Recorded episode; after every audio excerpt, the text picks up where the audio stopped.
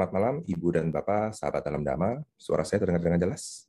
Malam terdengar jelas, Romo. Baik, salam dari saya, Namo Sayang di Budaya, Namo Budaya. Semoga kita dalam keadaan sehat selalu. Namo Budaya. Ya, izinkan saya share screen terlebih dahulu. Ya, pada malam hari ini, sesuai dengan topik, kita akan, atau saya akan berbagi tentang leluhur yang kami puja, atau seperti yang tertulis di sini. leluhur kami kepada mereka puja dan hormat kami berikan di sini mungkin Ibu dan Bapak, sahabat dalam dhamma sudah dapat menangkap nih, maksudnya apa? Oh iya, kita sebentar lagi atau saat ini sudah ada yang melaksanakan tradisi Qingming atau Chengbeng. di sini siapa yang tidak melaksanakan atau belum? Ya, karena berdasarkan perhitungan akan dimulai tanggal 4 eh, atau tanggal 5, tetapi ada yang melaksanakannya 5 atau 10 hari sebelum. Tetapi saya bukan membahas tentang Jingming atau Chengbengnya, tetapi apa manfaat yang kita bisa laksanakan atau nilai-nilai apa yang terkandung dalam pelaksanaan penghormatan atau puja tersebut. Nah, di sini ada prolognya. Kondisinya, di sini saya akan memulai dengan satu cerita, sama seperti kita memulai kebaktian pada malam hari. Uh, kalau dari gambar di sini, Anda coba bayangkan, pada saat Anda mungkin sedang melaksanakan salah satu tradisi atau upacara tradisi itu, depan rumah Anda, bakar kertas ya.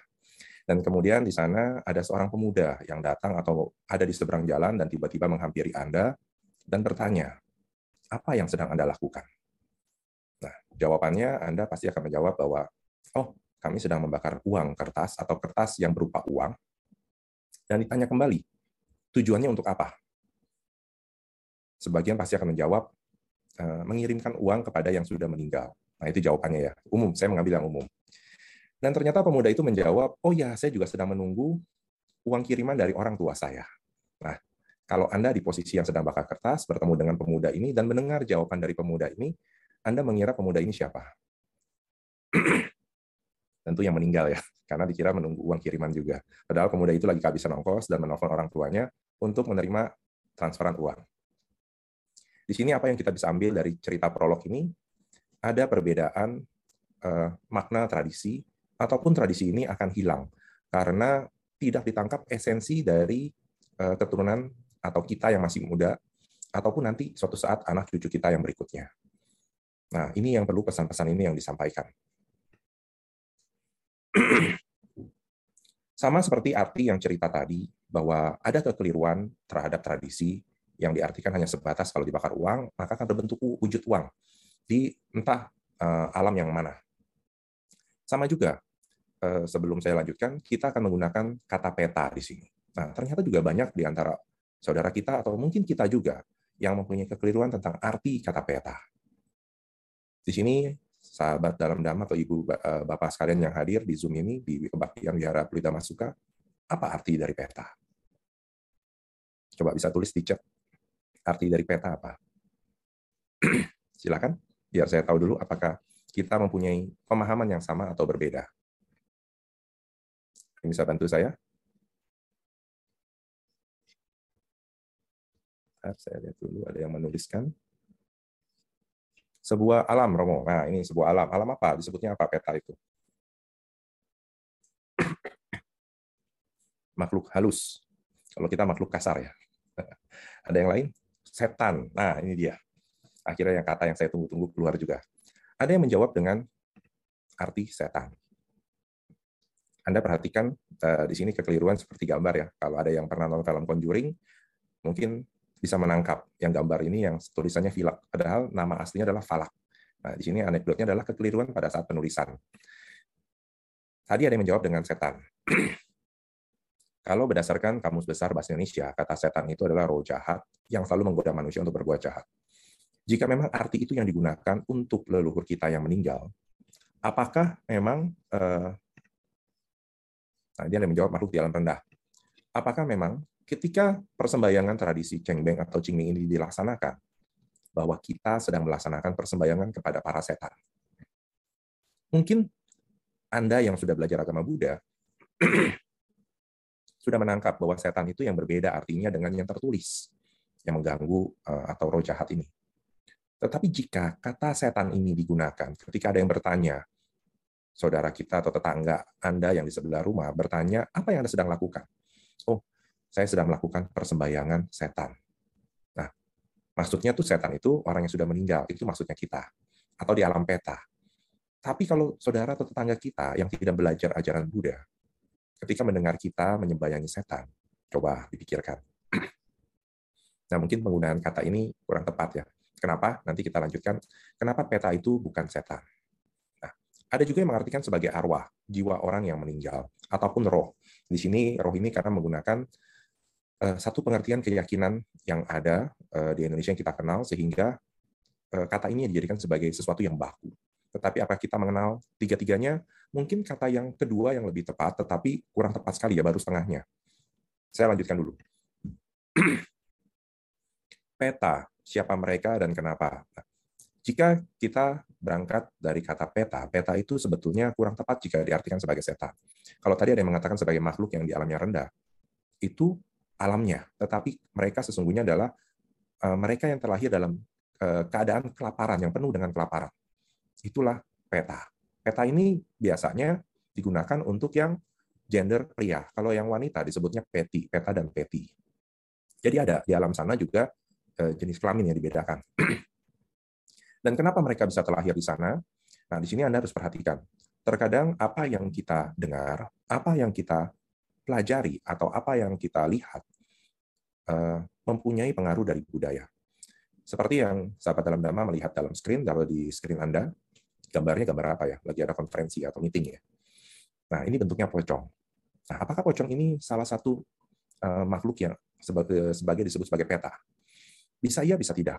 Tetapi yang pasti, jika Anda atau kita mengenal eh, makhluk yang bernama pocong ini, ini dipengaruhi oleh budaya. Maksudnya apa? Budaya sebelum uh, agama Muslim atau Islam masuk Indonesia, mungkin setan pocong atau makhluk pocong ini uh, belum ada. Nah, Anda bisa menjawab pertanyaan ini sebetulnya logika. Karena sebelum uh, masuknya ajaran Islam ke Nusantara, jenazah itu rata-rata langsung dikubur atau dikremasi. Nah, setelah masuknya ajaran Islam, baru ada yang model dengan kain kafan. Jadi di sini adalah adanya proses budaya.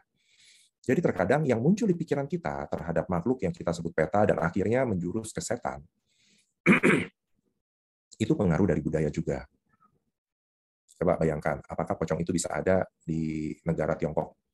Sepertinya nggak ada. Atau mungkin Anda berpikir, oh ya di sini juga mungkin nggak ada wampir ya yang lompat-lompat itu.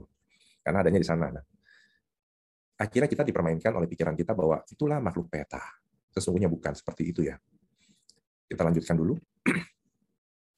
Kenapa mereka bisa terlahir ke alam peta di dalam Janus Suta? Mereka yang melaksanakan atau yang sudah melakukan dasa aku salah kama, 10 perbuatan yang kurang baik, ini yang uh, dapat terlahir ke alam peta atau alam yang penuh kelaparan.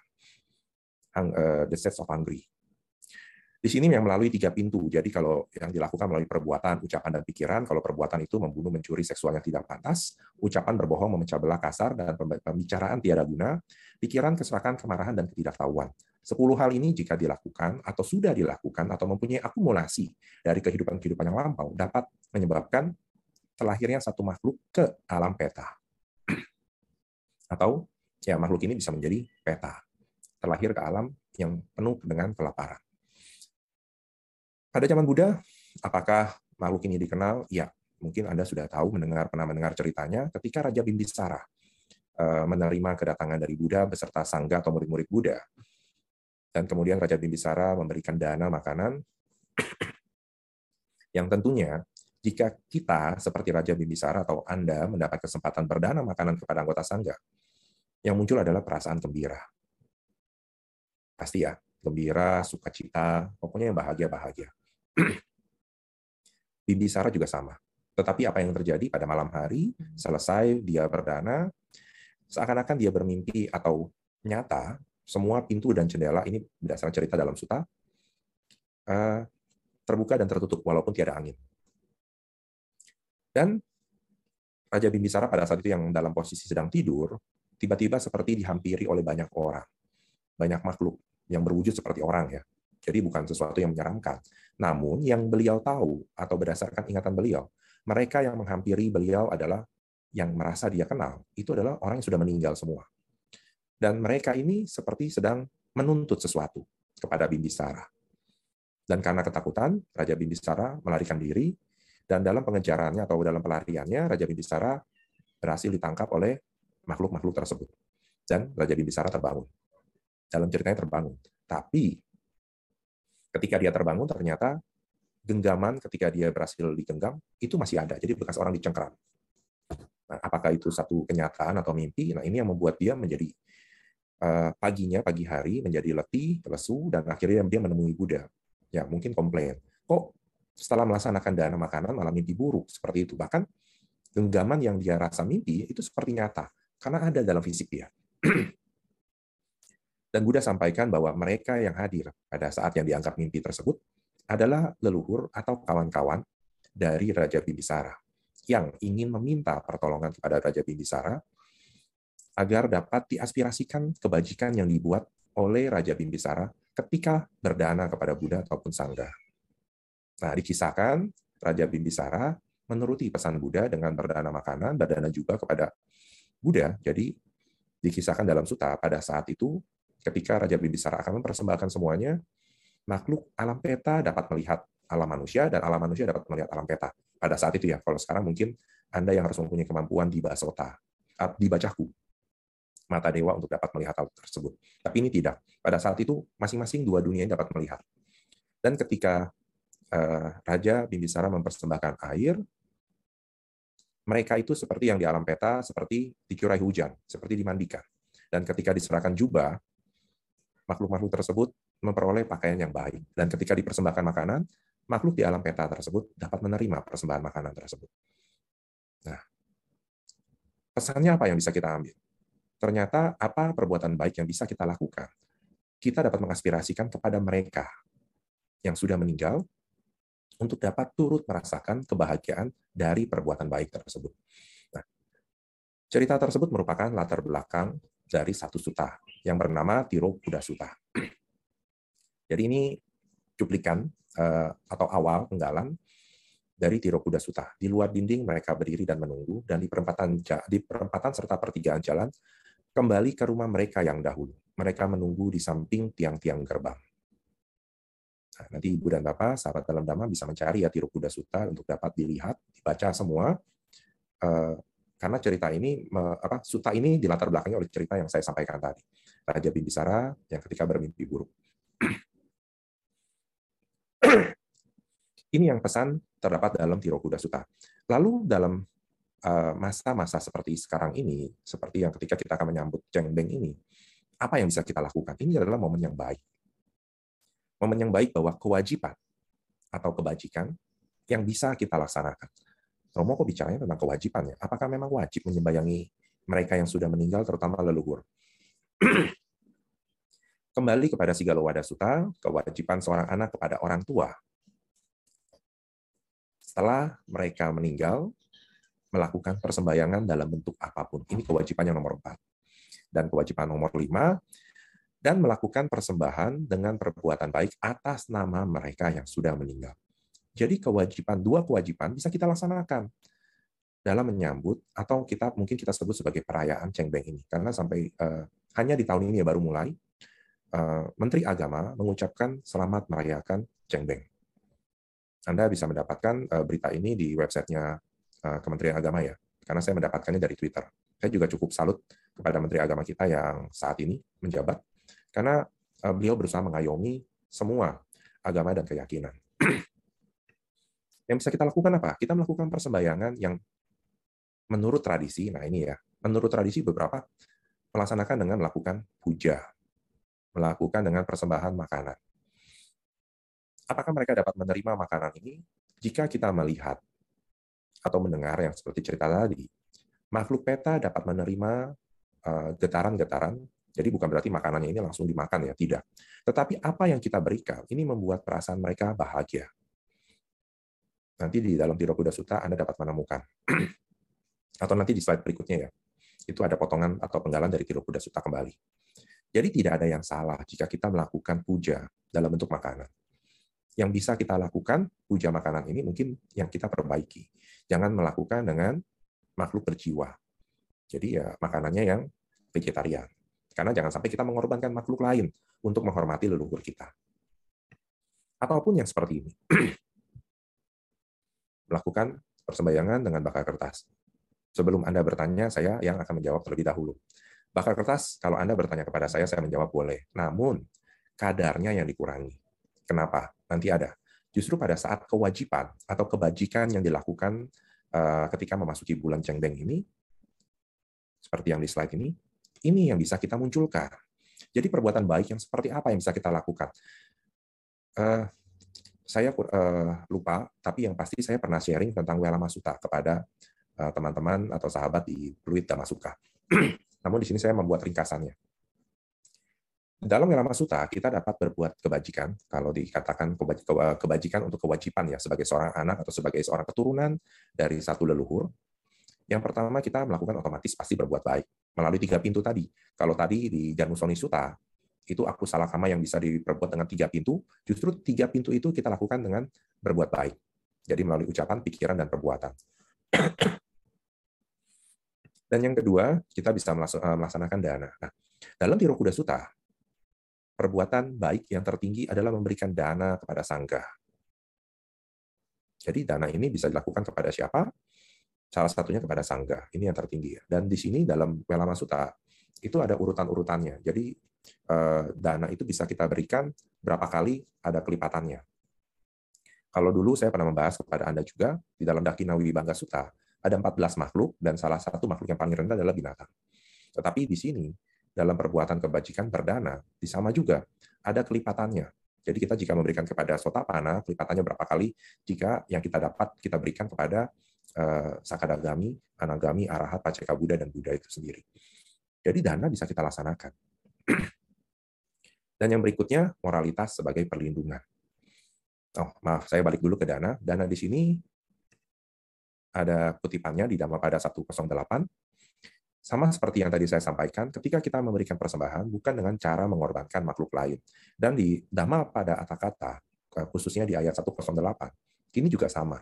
Yang menceritakan ada seorang Brahmana yang bertanya kepada yang Arya Sariputta manfaat melakukan persembahan.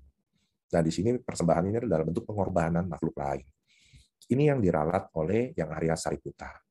Yang untuk menyadarkan si Brahmana ini. Dan sampai kita melakukan pengorbanan atas nama leluhur. Tujuannya ingin berbuat baik. Ya, padahal ternyata kita malah eh, menjerumuskan dua pihak. Oh, dua pihak, Romo. Yang pertama adalah diri kita, dan pihak kedua adalah leluhur. Yang tentunya mereka akan menyesali juga tindakan yang kita lakukan, karena melakukan pengorbanan makhluk lain atas nama mereka. Jadi kalau ditambah pada 108, dalam dunia ini pengorbanan dan persembahan apa pun yang dilakukan oleh seseorang selama 100 tahun. Untuk memperoleh pahala dari perbuatannya itu, semuanya tidak berharga seperempat bagian pun daripada penghormatan yang diberikan kepada orang yang hidupnya lurus. Nah, di sini juga sama eh, yang disampaikan yang Arya Sariputta adalah dalam bentuk penghormatan ataupun dana kepada mereka yang sudah mencapai kesucian atau sangga. Nah, ini yang dana tadi.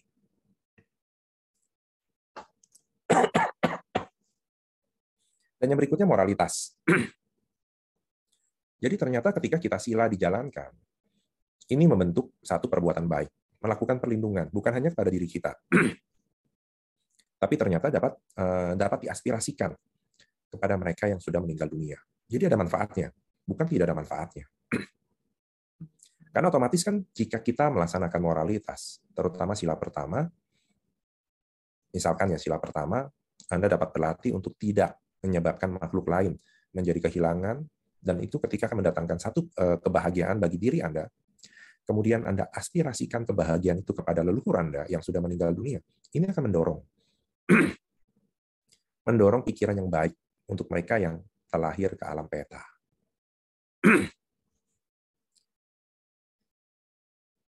yang berikutnya, moralitas yang disampaikan yang tadi saya sampaikan ini terdapat dalam kutipan uh, Dhammapada 190 sampai 191 tetapi rangkaian cerita di Dhammapada Atakata itu dimulai dari ayat uh, 188 sampai 192 Ini yang menceritakan uh, seseorang yang bernama Data uh, bagaimana dia dapat memperoleh perlindungan dengan memberikan persembahan, sama seperti yang tadi ya. Bahwa dia berpikir bahwa ketika melakukan persembahan kepada pohon karena ingin mencari perlindungan, persembahan kepada batu karena ingin mencari perlindungan, atau kepada satu makhluk tertentu karena ingin mencari perlindungan. Nah, ini yang disampaikan Buddha bahwa hal tersebut tidak akan dapat menolong mereka. Yang dapat menolong mereka adalah berlindung kepada Buddha, Dhamma, dan Sangha dengan cara melihat empat kebenaran mulia. Yang di sini Buddha menyampaikan, ya harus memahami catur Arya Sacani. Nanti mereka otomatis akan terlindungi sendiri, karena mereka akan terbebas mencapai pencerahan. Karena dengan mencapai pencerahan, ya mereka akan terlindungi dari semua yang kurang baik. 10 apa 10 belenggu dasar samyojana otomatis akan patah semua. Yang berikutnya konsentrasi dan cinta kasih. Nah, ini. Jadi ketika kita melaksanakan meditasi ataupun khususnya meditasi metabawana ini bisa dilaksanakan. Dan ini bisa diaspirasikan kepada leluhur kita yang sudah meninggal. Mungkin pertanyaan yang sering muncul adalah, Romo, apakah saya bisa tahu apa yang saya berikan, apa yang saya aspirasikan? sampai ke leluhur yang uh, ke leluhur saya? Jawabannya belum tentu. Loh, kok Romo? Ini Romo saat ini sedang menganjurkan kami untuk dapat memberikan persembahan kepada mereka, tapi kok jawabannya belum tentu. Kenapa belum tentu? Karena mereka, leluhur kita, yang terlahir ke alam peta, mereka lah yang dapat menerima atau merasakan semua ini yang sedang kita bicarakan. Tetapi jika mereka terlahir ke alam selain dari alam peta, ya mereka tidak dapat merasakannya atau mendapatkannya. Nanti di slide berikutnya ada.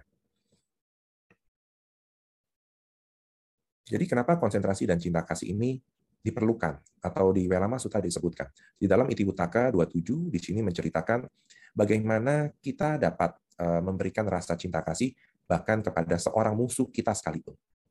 Mungkin kalau kita punya musuh, kita selalu berpikir, amit-amit ya Bang Bayi, semoga saya tidak bertemu dengan dia lagi, nanti saya berpikir buruk terhadap dia. Nah, justru pikiran-pikiran itu yang tidak muncul. Justru bagaimana dengan cinta kasih, kita dapat mendoakan mereka juga turut berbahagia.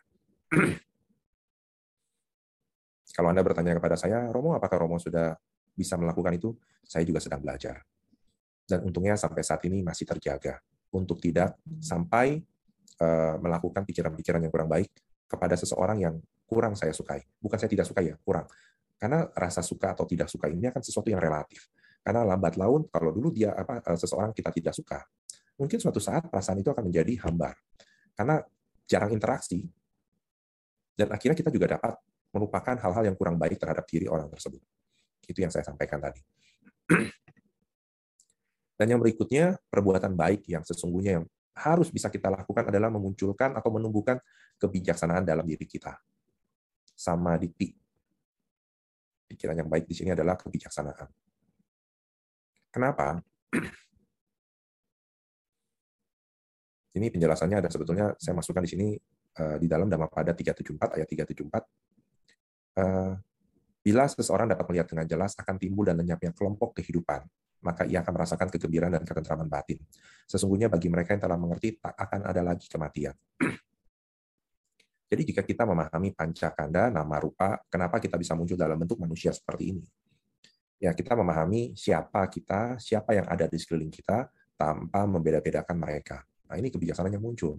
Ini yang Buddha uh, harapkan kita untuk dapat mencapai hal tersebut. Jadi Buddha itu juga turut mengharapkan kita ya, bukan Buddha uh, sengaja melepas kita berjalan sendiri, tidak. Beliau dengan semua ajarannya tujuannya untuk memberikan hal tersebut kepada kita, supaya kita dapat mengikuti jejak beliau, sehingga memperoleh kebijaksanaan seperti yang beliau dapatkan. Nah, ini yang dalam Welama Sutta, lima hal tadi yang bisa kita lakukan, terutama di dalam masa bulan Cembeng ini. Dan setelah kita lakukan ini semua, kita aspirasikan kebajikan ini untuk mereka yang sudah meninggal. Ini melengkapi yang tadi saya sampaikan di dalam Janu Soni Sutta. Nah, tadi kan saya sebutkan bahwa mereka yang terlahir di neraka, binatang, manusia, dewa, ini tidak dapat menerima persembahan atau aspirasi kebajikan yang kita berikan kepada mereka. Kelahiran di tempat yang sesuai yang dapat menerima persembahan adalah alam kelaparan, hungry of six. Ini yang alam peta tadi. Nah, tadi saya sampai terlewatkan, maaf sebentar saya balik sebentar ya. Di Dhammapada 374 ini, Eh, sebetulnya ini Dhammapada yang uh, cukup panjang dari 388 sampai eh, 368 sampai 376. Uh, background da dari cerita atau dari ayat ini adalah menceritakan seorang anak yang menjadi seorang biku yang bernama Biku Sona dan ketika dia kembali ke rumah ibunya, sebetulnya ini Biku Sona adalah keturunan dari seorang bangsawan, dari orang yang kaya raya, dan ibunya sangat gembira ketika Biku Sona kembali ke rumahnya. Tapi pada saat Biku Sona diundang oleh ibunya, rumah dari ibu dari Biku Sona ini disatroni perampok. Nah, anak buah atau uh, pelayan dari Ibu Sona atau Biku Sona ini dari uh, mama dari Biku Sona diberitahu. Namun karena yang muncul adalah rasa suka, kebahagiaan dari mendengar dhamma desana yang disampaikan Biku Sona kepada uh, mamanya sendiri, mamanya ini merasa harta ini sesuatu yang dapat dia cari nanti. Jadi ketika diberitahu rumahnya dirampok, ibunya berpikir atau menjawab, biarkan. Karena saya sedang mendengarkan dhamma desana dan pelaporan ini sampai tiga kali dan ibunya juga menjawab dengan hal yang sama. Namun pada saat pelayan ini datang untuk memberitahu hal yang eh, ketiga kali, ada seorang perampok yang turut serta karena dia merasa uh, was-was. Ada yang melihat tindakan mereka, jadi untuk mencegah hal-hal yang tidak diinginkan, dia mengikuti si pelayan itu. Namun ketika mendengar jawaban dari sang ibu, ibu dari Bikusona, dia merasa kaget. Kok ada ya?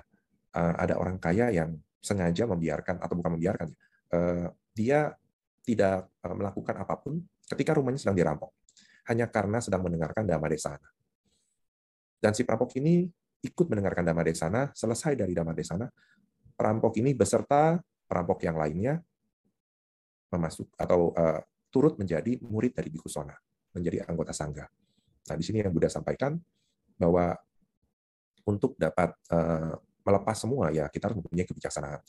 Kalau dari sini ceritanya perampok saja bisa dimunculkan kebijaksanaannya. Nah, kembali ke Janis Suta. Jadi kalau tadi yang saya munculkan pertanyaannya, apakah uh, Romo mereka atau leluhur saya dapat menerima semua kebajikan yang saya berikan atas nama mereka? Ini jawabannya ya. Janus Suta, empat alam yang disebutkan di sini, neraka binatang manusia dewa, mereka tidak dapat menerima persembahan dari kita. Namun mereka yang terlahir di alam kelaparan atau alam peta, dapat menerima persembahan tersebut. Di Welama Sutta sudah dijabarkan bagaimana kita melakukan pemberian atau perbuatan baik, dan di Janusoni Sutta juga diungkapkan bagaimana atau eh, jika leluhur yang bisa dapat menerima persembahan dari kita. Nah, ini yang tadi saya sampaikan. Cuplikan atau penggalan berikutnya dari Tiro Buddha Sutta mereka berkumpul di sana. Uh, di sini saya menggunakan ter uh, terminologi arwah-arwah karena kita sudah uh, terbiasa mendengar kata arwah. Tapi sesungguhnya mereka bukan uh, tidak tepat ya disebut sebagai arwah. Kalau saya menggunakan kata peta, nantinya bahasa Pali yang muncul. Berkumpul di sana dengan bersyukur mendapat makanan dan minuman. Jadi mereka bersyukur dengan persembahan yang kita berikan. Dan mereka juga mendoakan atau memberikan aspirasi kebaikan kepada kita yang melaksanakan persembahan tersebut. Dengan mengungkapkan, semoga sanak keluarga berusia panjang. Karena mereka, kami mendapat keuntungan ini. Jadi, teks semoga sanak keluarga berusia panjang. Karena mereka, kami mendapat. Kami di sini adalah mereka leluhur kita yang terlahir ke alam peta. Penghormatan telah dilakukan oleh mereka kepada kami tidak ada pemberi yang tidak menerima buahnya. Jadi kalau kita melaksanakan, kalau ditanya apakah dapat diterima atau tidak, yang pertama kita melakukannya sebetulnya untuk diri kita sendiri. Perbuatan baik itu sudah kita lakukan untuk diri kita. Dan yang kedua, perbuatan baik tersebut dapat diterima oleh leluhur kita yang terlahir kalam peta. Jadi tidak ada yang sia-sia. Namun yang cukup menarik adalah kalau dulu, eh, saya pernah cerita ini juga di Pluit Masuka ya. Kalau dulu saya bersembayang atau melakukan persembayangan pada leluhur, papa mama saya selalu bilang, sembayang sama angkong, ama uh, angco, kongco. Biar kalau situ uh, pada saat melakukan persembayangan itu akan memasuki ujian. Supaya kamu bisa lulus ujian, lulus sekolah dengan nilai baik. Pernah ya, ibu bapak sahabat dalam dhamma uh, diajarkan berdoa seperti itu? Jawabannya apa? Ini yakin nih leluhur saya bisa meluluskan atau uh, merealisasikan doa-doa tersebut. Ternyata hal-hal tersebut uh, bukan tidak ada manfaat atau mempunyai manfaat, tetapi jika kita melihat persamaan eh, dengan Tirokuda Sutta di situ ada. Jadi sesungguhnya leluhur kita juga dapat mendoakan atau memberikan aspirasi kebajikan kepada kita juga. Jadi apa yang kita lakukan ini dua arah, bukan satu arah. Tentunya dua arah ini terjadi ketika uh, mereka di dalam peta. Jadi tidak ada yang sia-sia. Dan ternyata apa yang dilakukan oleh leluhur kita, melakukan persembahyang seperti itu, hanya saja mekanisme penjelasannya yang belum ada. Karena dulu waktu saya diminta melakukan doa tersebut, saya berpikir, papa saya saja sekolahnya sekolah rakyat. Papa saya hanya bisa membaca dan menulis, tapi kalau melakukan perhitungan itu harus pakai kalkulator. Jadi kalau dibilang cak listung, cak listnya bisa, tungnya yang nggak bisa. Jadi harus pakai kalkulator. Atau pakai sempoa, itu baru bisa. Dengan keterbatasan kemampuan mereka, apakah mereka dapat memberikan sesuatu yang lebih untuk kita? Jawabannya iya, dengan aspirasi yang sama. Jadi, jangan meremehkan perbuatan baik atau aspirasi kebajikan walaupun kecil. Dan sebagai penutup, apa yang bisa kita lakukan kembali untuk mereka leluhur yang kita puja atau kami puja, tentunya dengan melaksanakan patidana. Syair patidana seperti ini, Ibu dan Bapak saya yakin sudah familiar ya. Jasa-jasa yang kuperbuat sekarang atau di waktu lain, Semoga terbagikan kepada para makhluk tanpa batas tak ternilai, yang kukasihi dan berbudi luhur, ibu dan ayahku, yang terlihat dan tidak terlihat, yang bersikap netral atau bermusuhan, makhluk-makhluk yang ada di alam semesta di ketiga alam, empat jenis kelahiran, lima, satu, atau empat bagian, terlahir menjalani lingkaran kehidupan. Mengetahui pelimpahan danaku ini, dengan sendirinya mereka bersyukur. Dan kepada mereka yang tidak mengetahui, hendaknya para dewa memberitakan. Berkat jasa-jasa yang kupersembahkan ini, yang menimbulkan perasaan syukur, semoga semua makhluk selamanya hidup bahagia, bebas dari kebencian, semoga mereka mendapatkan jalan kedamaian, semoga cita-cita luhur mereka tercapai. ini bisa kita bacakan, dana ini. Kita beras ini merupakan salah satu aspirasi kebajikan. Jadi selesai setiap kali kita melaksanakan satu kebajikan, kita bisa bacakan ini. Romo, ini kepanjangan nggak? Nah, saya bisa kasih tips ringkasnya. Ringkasnya, kita bisa aspirasikan dalam pikiran, namun bisa dalam bentuk ucapan juga, supaya eh, kita mempunyai keyakinan atau sada yang lebih kuat. Semoga kebajikan yang saya lakukan atau yang baru saya lakukan, jika Anda melakukan satu kebajikan, dapat saya aspirasikan atau dapat saya berikan kepada Anda bisa sebutkan, Anda bisa visualisasikan kepada untuk siapa kebajikan itu Anda berikan dan Anda bisa menambahkan. Jika mereka atau Anda sebut nama tidak atau belum mengetahui uh, persembahan ini, Anda bisa mengambil syair yang uh, yang tentang dewa. Semoga para dewa hendaknya memberitakan kabar bahagia ini. ini akan semakin meneguhkan bahwa perbuatan bajik yang Anda lakukan dengan mengatasnamakan leluhur yang sudah meninggal tidak akan sia-sia. Ini akan menjadi satu momen yang Anda akan simpan dalam memori. Nantinya memori ini akan sangat berguna ketika proses pati sandi winyana kita, uh, maaf, bukan pati sandi, tapi cuti cita kita.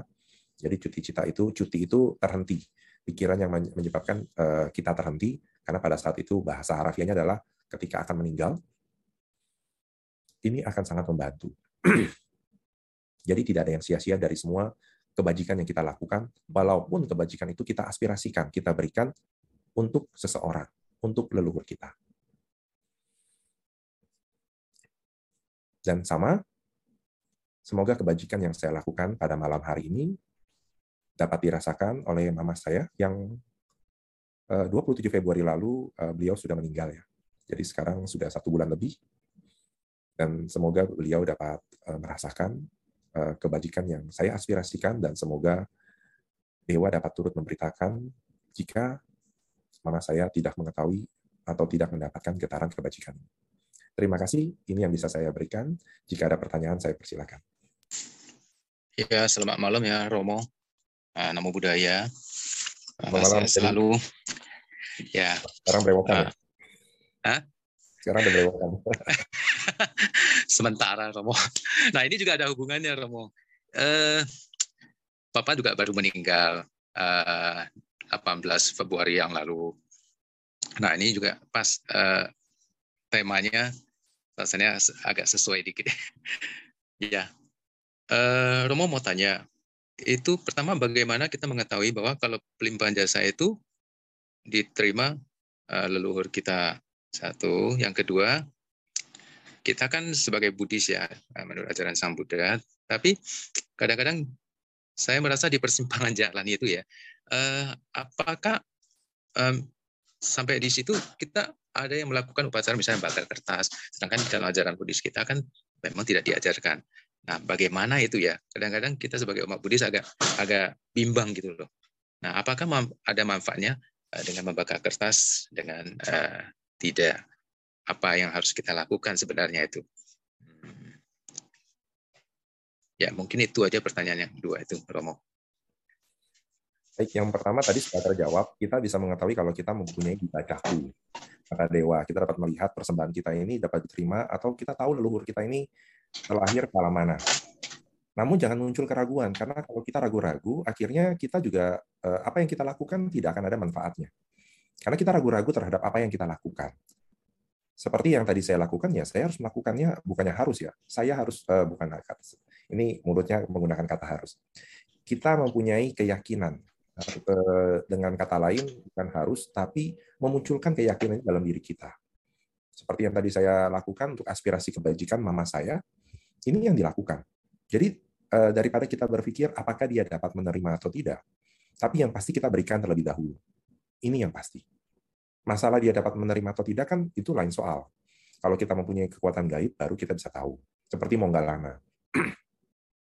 kan mungkin kalau kita tahu kan ya Monggalana eh, juga dapat membantu ibunya karena terakhir kalam peta. Ibunya Monggalana dikisahkan dalam suta eh, terakhir kalam peta dengan leher yang sekecil jarum dan mulutnya mengeluarkan bara. Jadi ketika makanan diberikan oleh Monggalana, beliau mempunyai kekuatan gaib, makanan itu bisa masuk nggak bisa, tapi setiap kali masuk jadi bara. Kalaupun sudah bisa masuk, di kerongkongan nyangkut. Jadi setelah menjadi bara nyangkut di leher. Akhirnya apa? Ya ibunya berteriak-teriak, kesakitan. Sehingga Monggalana sendiri harus bertanya kepada Buddha. Dan Buddha memberikan jalan untuk dapat agar dapat diterima persembahan tersebut oleh ibunya. Monggalana berdana kepada sangga sendiri. Anda eh, kita bisa bayangkan ya. Monggalana salah satu murid utama seperti yang gambar ada di kiri kanan salah satunya adalah Monggalana. Dengan sebagai murid senior dari Buddha, murid utama karena kesaktiannya, beliau pun melakukan perbuatan baik dengan berdana kepada sangga dan kemudian perbuatan baik tersebut diaspirasikan atau ditujukan kepada ibunya sendiri. Dan memang dalam cerita ibunya dapat menerima persembahan makanan tersebut. Nah, jadi seperti itu jawabannya. Kita harus mempunyai keyakinan bahwa apa yang kita lakukan atas nama papa, mama yang sudah meninggal, ini dapat diterima oleh mereka jika mereka terlahir ke alam peta. Yang tentunya doa kita kan semoga mereka terlahir ke alam bahagia kan. Seperti itu. Dan yang kedua, kalau ditanya masalah persimpangan, sebetulnya bukan persimpangan. Tradisi tetap kita pegang. Namun tradisi ini harus mempunyai nilai. Seperti yang terjadi pada seorang pemuda yang bernama Sigala tertulis dalam Sigala Wada Sutta. Sigala Wada Sutta kan si Sigala ini harus memberikan penghormatan ke enam arah. Empat arah mata angin, atas dan bawah. Dia menuruti karena hanya diminta oleh orang tuanya. Tapi kalau kita melaksanakan perbuatan tersebut tanpa mengetahui artinya, manfaatnya apa, akhirnya ini akan hilang. Karena hanya sebatas upacara biasa. Namun Buddha memberitahukan makna dari empat arah, atas dan bawah. Sampai sekarang yang kita pegang sebagai hak dan kewajiban perumah tangga, ini ternyata ada maknanya. Nah, ini yang harus kita cari makna dari tujuannya membakar kertas itu apa. Kalau memang kita sudah mengetahui dan kita melihat dampaknya, kita jadikan sebagai pelengkap ritual ini. Ada, ada, tetapi yang tadi dikurangi. Jadi kalau kau Edi bertanya kepada saya, apakah saya masih melaksanakan pembakaran kertas? Saya jawab dengan pasti, ya, saya masih. Namun jumlahnya berkurang jauh. Hal ini ketika mama saya yang meninggal tadi itu mama mertua saya, ketika mama kandung saya atau mama biologi saya masih hidup, sama. Ketika eh, memasuki bulan cengbeng, mama saya itu membeli banyak baju membeli mobil sampai berapa merek mobil ada Mercy BMW saya sempat bingung-bingung gitu waduh ini mah mau beli banyak banget nih nanti papa juga bingung akhirnya supaya jangan bingung mama saya bilang oh ya nanti kita akan kirim supir sekalian ke sana wah saya bilang hebat nih jadi orang kaya di sana. Ngirimnya sampai nolnya ada banyak sekali. Nah, akhirnya saya mengajak mama saya, bukan saya mengatakan, ma ini akan sia-sia. Tidak. Saya bilang, mengatakan kepada mama saya, ma kita berikan yang secukupnya. Nah, uang yang akan kita pakai untuk membeli uh, apa yang materi kertas tersebut, kita danakan uh, dana jubah kepada sangga, dana makanan kepada sangga. Nah, tapi pengertian ini jangan sem, apa uh, langsung kita utarakan. Kenapa? Kan mungkin orang tua kita tidak tahu latar belakangnya, nanti dikira kita mengguri mereka. Nah, saya mengajak mama saya perlahan-lahan. Dari jadi setiap tahun itu bukan berarti waktu tahun pertama ketika papa saya meninggal melakukan persembahyaan saya langsung melakukan hal ini tidak. saya mengajak beliau bertahap. Sehingga ketika beliau meninggal pun eh, satu tahun sebelum beliau meninggal ketika masa persembahyangan Cengbeng, ya itu secukupnya. Yang penting cuma ada tandanya doang. Oh baju cuma satu atau dua, kemudian ada handphone satu. Mobil pun akhirnya tidak jadi dibeli karena bentuknya besar. Nah, tetapi ada kesadaran lain yang muncul dari mama saya. Akhirnya beliau tahu bahwa berdana ini satu jalan yang baik. Dana kepada wihara, dana kepada sangga, terutama dana kepada sangga. Nah, jadi kita bisa lakukan hal ini. Jadi jangan sampai kita merasa mempunyai dilema antara tradisi dan agama agama tidak akan berkembang tanpa adanya tradisi. Ini yang pasti. Agama Buddha berkembang di Indonesia bukan karena misionaris agama Buddha sendiri, tidak. Tetapi dari kelompok Samkau, tiga, eh, tiga agama ya.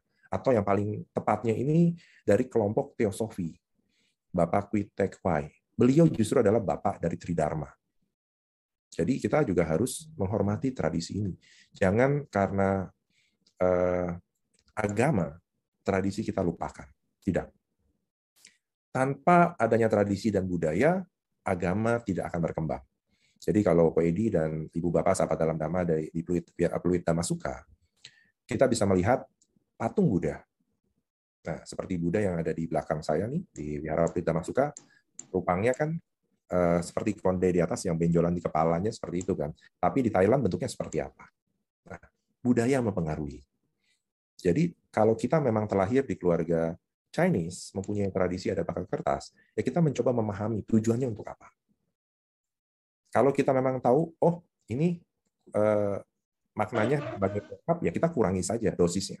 Ada ada saja, tapi dikurangi. Seperti ketika mama biologi saya meninggal, saya sempat ditegur oleh pandita-pandita lain karena di depan peti mama saya itu ada rumah kertas. Ya. Karena saya ditegur, kamu seorang upasaka pandita kok masih pasang begini ya? Saya hanya tersenyum ketika ditegur. Karena yang membeli rumah kertas itu adalah kakak saya yang beragama Kristen. Bukan beragama Buddha, tetapi yang beragama Kristen. Saya menghormati keputusan dari kakak saya. Saya menghormati kakak saya pun juga uh, melintasi agama dengan tradisi. Karena Kristen tentu juga tidak percaya akan hal seperti itu. Tapi kok dia sampai mau? Karena dia melihat ini adalah satu bentuk budaya, satu bentuk tradisi. Yang dulu-dulu setiap leluhur kami meninggal itu dipasangin seperti itu kan. Nah, jadi dia mau itu tetap ada. Jadi saya tidak tidak mau menolak, biarkan saja. Ini sebagai salah satu bentuk. Tapi memang selesai upacara, saya memberitahu kepada kakak saya makna dari persembahyangan yang dilakukan. Karena proses eh, persembahyangan sampai ke kremasi itu dilaksanakan dengan tata cara Buddhis. Sehingga saya juga memberitahu tujuannya seperti apa, langkah-langkahnya seperti apa kepada kakak saya yang beragama berbeda. Karena kebetulan di keluarga saya ada kakak saya yang beragama Kristen, ada yang beragama Muslim juga. Jadi saya memberitahukan kepada mereka agar tidak, eh, apalagi yang Muslim ya, jenazah itu kan jangan sampai dibakar. Kenapa? Nanti khawatir eh, teriak-teriak kesakitan, kepanasan. Repot kan kalau itu sampai mengganggu pikiran dari kakak saya. Seperti itu, Pak Edi. Semoga jangan ragu dan jangan mempunyai dilema antara tradisi dan agama. Terima kasih. Oh ya, satu lagi ya. Misalnya ini eh, kembali lagi ini tadi pertanyaannya saya lupa tanya. Kan kita mengharapkan semoga uh, yang meninggal bisa terlahir, terlahir di alam yang baik. Tapi dengan membakar gitu, pikiran kita kadang-kadang terkondisi memikirkan yang bakar berarti kan kita membakar uh, untuk yang meninggal itu berarti bukan di alam yang lebih baik gitu. Nah itu bagaimana uh, apa mengkondisikan pikiran kita itu Romo dan satu yang tadi lupa tanya. Saya menjawab dengan satu cerita dan ini sangat baik sekali cerita ini melengkapi cerita Raja Bimbisara bahwa yang mengejar Raja Bimbisara itu bukan hanya uh, mereka ini adalah uh, kerabat-kerabat dari Raja Bimbisara yang terlahir di zaman Buddha terdahulu. Kenapa mereka bisa terlahir ke alam peta? Karena pada zaman itu mereka uh, melarang orang-orang melaksanakan dana makanan kepada Buddha pada masa itu ya. Saya lupa nama Budanya apa. Dan Raja Bimbisara justru yang berdana, sehingga kehidupan uh, pada zaman Buddha Gautama, karma baik beliau sudah mencapai puncaknya, sehingga beliau terlahir sebagai seorang raja. Sedangkan kerabat-kerabatnya terlahir ke alam peta.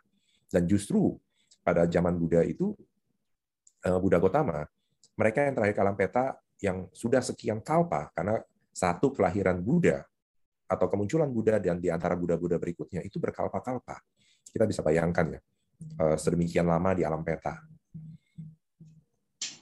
Dan ini mereka mendapat aspirasi kebajikan. Sehingga kalau tadi pertanyaannya Ko Edi, eh, artinya kita mendoakan leluhur kita dong di alam peta. Tidak. Leluhur kita bukan hanya satu, bukan hanya dua. Banyak sekali dari eh, kehidupan-kehidupan kita yang lampau. Dan karena sekarang adalah berkah kita terlahir ke alam manusia, ini yang kita manfaatkan. Eh, seperti yang Anda bisa eh, bukan berarti saya yang baik ya tidak, tapi saya memberikan contoh ketika saya datang ke rumah Abu, rumah Abu tempat persembahyangan abu-abu leluhur kan yang dikremasi. saya biasanya berkeliling ruangan. Jadi ruangan Abu yang di Kayana itu ada banyak. Kalau yang di satu lantai itu ada empat, eh, ada lima ruangan. Yeah. Mama saya ada di satu ruangan paling pojok di ruangan Lotus dan biasanya saya akan berkeliling ruangan-ruangan lain. Ngapain? saya juga melakukan hal yang sama. Jadi saya pasang dupa dengan melakukan puja kepada Buddha, Dhamma, dan Sangha. Dan di sana ada patung Siti Garba atau Ticang Wang Pusat. Iya. saya melakukan aspirasi kebajikan dengan seperti ini.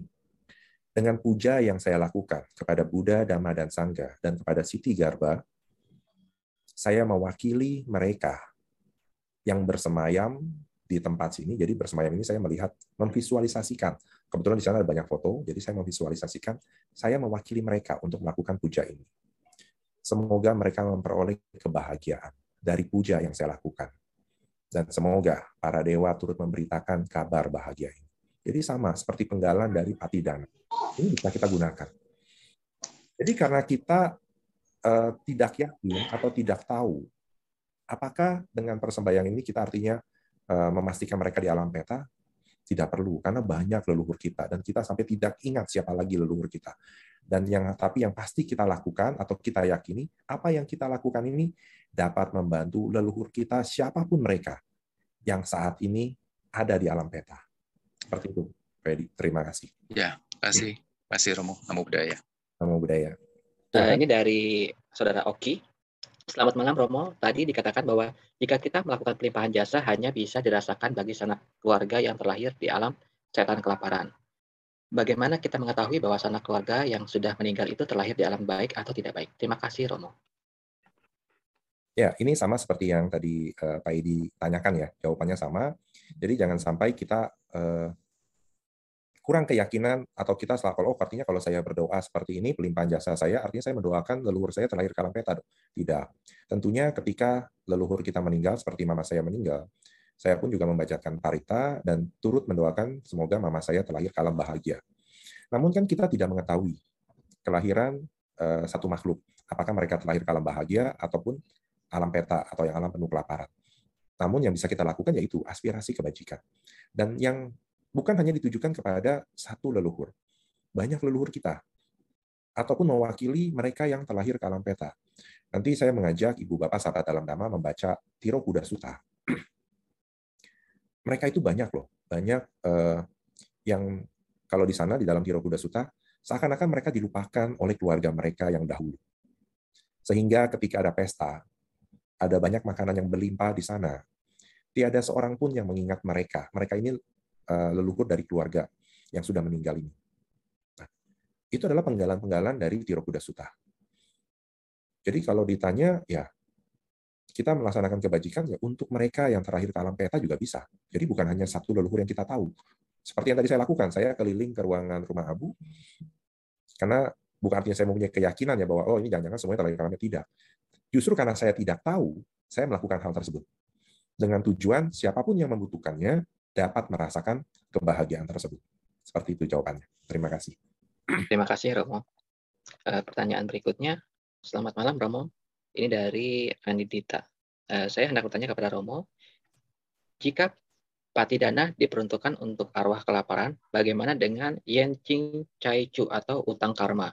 Apakah hanya bisa pada orang yang masih hidup saja? Terima kasih. Nah, ini istilah yang saya baru dengar. Eh, mungkin bisa diperjelas maksudnya yang hutang karma itu seperti apa ya? Saya belum menjelaskan pertanyaannya tadi. Eh, mungkin saudara Anindita bisa menyalakan uh, mic-nya di unmute.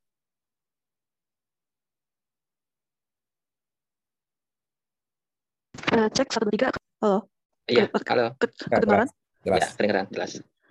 Uh, iya, uh, selamat malam. Uh, saya ingin bertanya yang tadi maksudnya itu uh, pernah berapa kali ikut uh, cautu ya namanya cautu atau patidana ini. Uh, mereka tuh suka bagi dua, mau cautu atau yang tadi yang apa itu bahasa Mandarin yang Cing Chao Chu. Saya tanya bedanya apa? Kalau yang Chao Tu itu untuk yang sudah meninggal, tapi kalau yang tadi itu yang utang karma itu untuk yang masih hidup. Jadi saya uh, mau tanya bedanya apa karena kurang paham. Mungkin bisa menjawab. Terima kasih. Sama juga, saya juga kurang paham. Kebetulan tradisi Mahayana mungkin ya, atau uh, banyak yang melakukan proses cautu. Cautu itu sebetulnya uh, setahu saya uh, seperti kalau bahasa umumnya itu seperti buang sial Nah, ini yang kurang tepat sih. Jadi bukan berarti kita dengan satu upacara kita akan terbebas dari sesuatu yang buruk. Seperti yang tadi utang karma. Apakah utang karma ini bisa kita bayarkan? Utang karma bisa dibayar, tapi dengan karma itu berbuah. Namun kita terkadang ketika karma berbuah, kalau yang berbuah baik kita senang. Padahal karmanya sama-sama berbuah kan. ketika buahnya baik kita senang, tapi ketika buahnya buruk kita merasa kok ini memang eh, kenapa saya harus menerima karma ini? Kita berusaha menolak. Dan ketika penolakan itu muncul, sesungguhnya penderitaan itu muncul. Jadi kalau karma buruk berbuah dan kita menerima, sebetulnya kita tidak sedang menderita loh. Justru di situ kita sedang membayar karma buruk kita. Contohnya, eh, bulan Februari pada saat eh, dari Januari ya tanggal 27 Januari saya eh, ketika periksa PCR dinyatakan positif COVID. Jadi saya ini udah lulus dari S1-nya COVID, penyintas. Eh, apakah saya mengatakan kenapa saya harus yang menerima apa tertular pandemi ini? Tidak. Saya justru satu keluarga. Saya istri dan dua anak. ya, terima-terima aja. Dan ketika saya harus dirawat di rumah sakit pun, saya terima-terima aja. Dan ini satu berkah COVID berkah Romo. Karena justru pada saat uh, saya didiagnosa dan kemudian saya harus dirawat, banyak teman-teman saya secara spontan ketika tahu saya uh, saya saturasinya ngedrop. Nanti saya justru mau tanya nih, saya boleh booster nggak? Karena saya sempat saturasinya ngedrop ke 90 dan harus dirawat di rumah sakit karena harus pasang oksigen. Banyak teman yang langsung menghubungi saya dan mereka turut mengecek keberadaan rumah sakit agar saya bisa dapat. Nah, kalau ditanya apakah itu karma buruk atau karma baik? Bingung kan jawabnya? Bagi saya, mungkin disebut karma buruk karena sakit. Tapi kok banyak yang menolong, ini karma baik. Bahkan sampai direferensikan rumah sakit, bahkan bisa sampai nama saya bisa dicatat dan diprioritaskan di rumah sakit tertentu. Nah, ini tergantung persepsi eh, persepsi kita. Dan di sana, kenapa saya tiga hari? Karena saya hari kedua, eh, saya juga melakukan usaha ya, jadi berusaha meditasi. Nah, ini sangat meditasi sangat membantu. Eh, mengatur, bukan mengatur, mengamati nafas sehingga kita tidak terikat dengan adanya oksigen. Jadi eh, hari apa pada jam-jam tertentu oksigen saya lepas. Memang saya diberikan oximeter. Jadi saya mengontrol diri saya sendiri, melihat oximeter, nah berlatih di sana meditasi itu mungkin eh, momen yang tepat ya. Dan ternyata di hari kedua tanpa oksigen saturasi saya bisa bertahan di 95. Sehingga hari ketiga saya meminta dokter untuk agar saya bisa pulang ke rumah dan memang hanya tiga hari di rumah sakit. Dokter pun juga pertama ingin melarang saya dengan alasan antivirusnya harus selesai selama enam hari. Saya bilang, dok, nggak apa-apa, saya rela untuk mengulang dengan antivirus yang viral. Uh, maksudnya viral melalui mulut. Oral, oral, bukan viral, oral. Nah, jadi seperti itu. Nah, balik ke istilah tadi, untuk uh, karma atau apa yang tadi seperti mungkin kaitannya adalah membuang sial tadi. Kalau saya tidak salah tangkap, ya apakah kita mau menerima atau mengimpaskan atau menuntaskan karma kita dengan menerima buruk atau baik buahnya. Jadi jangan kita pilih-pilih. Kalau baik saya maunya saya maunya yang baik bahagia. Tapi ketika buruknya berbuah, kita nggak mau terima. Padahal justru pada saat di sini pola pikirnya sedikit saya ganti ya. pada saat karma ini Anda harus hati-hati uh, mendengar atau menganalisanya.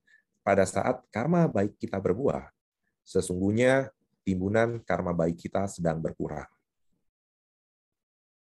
Namun sebaliknya, ketika karma buruk kita berbuah, timbunan karma buruk kita berkurang, hutang kita berkurang.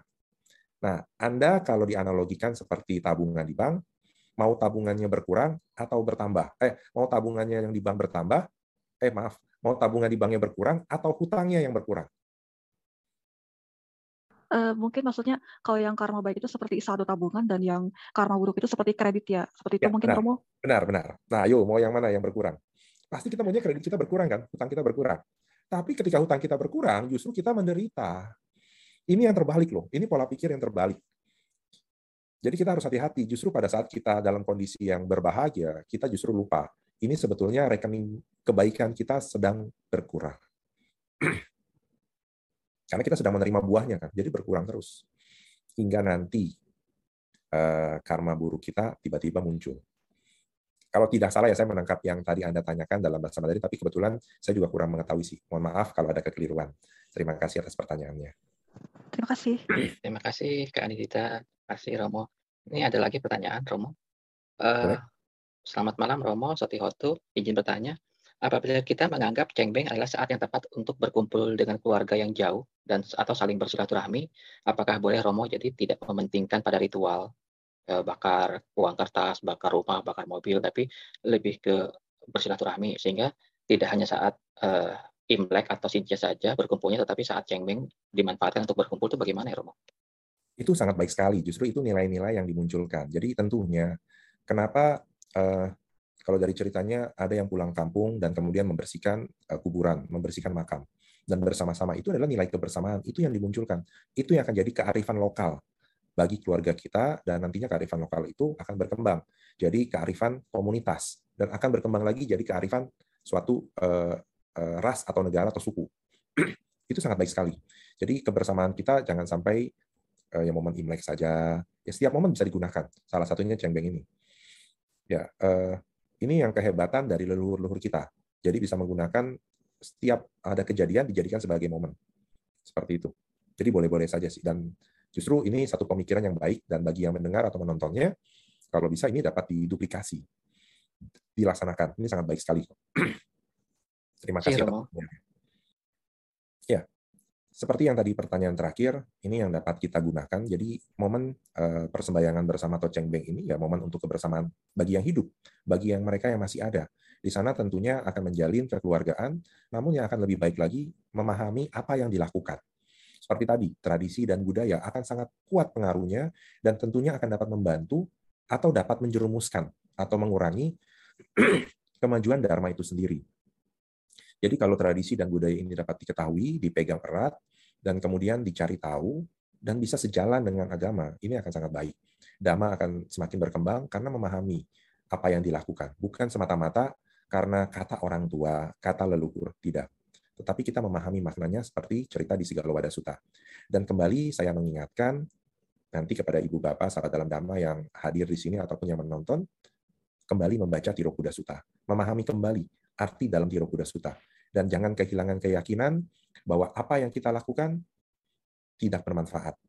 Sekecil apa pun perbuatan kebajikan yang kita lakukan, bermanfaat kepada si pelaku. Jadi pelaku itu siapa? Diri kita sendiri. Dan ternyata bermanfaat juga bagi si penerima. Khususnya dalam topik kita pada hari ini adalah mereka yang terakhir ke alam peta, alam yang penuh kelaparan. Itu saja dari saya. Terima kasih. Namo Sang Yang Budaya, Namo Budaya, Soti Hotu, dan selamat malam.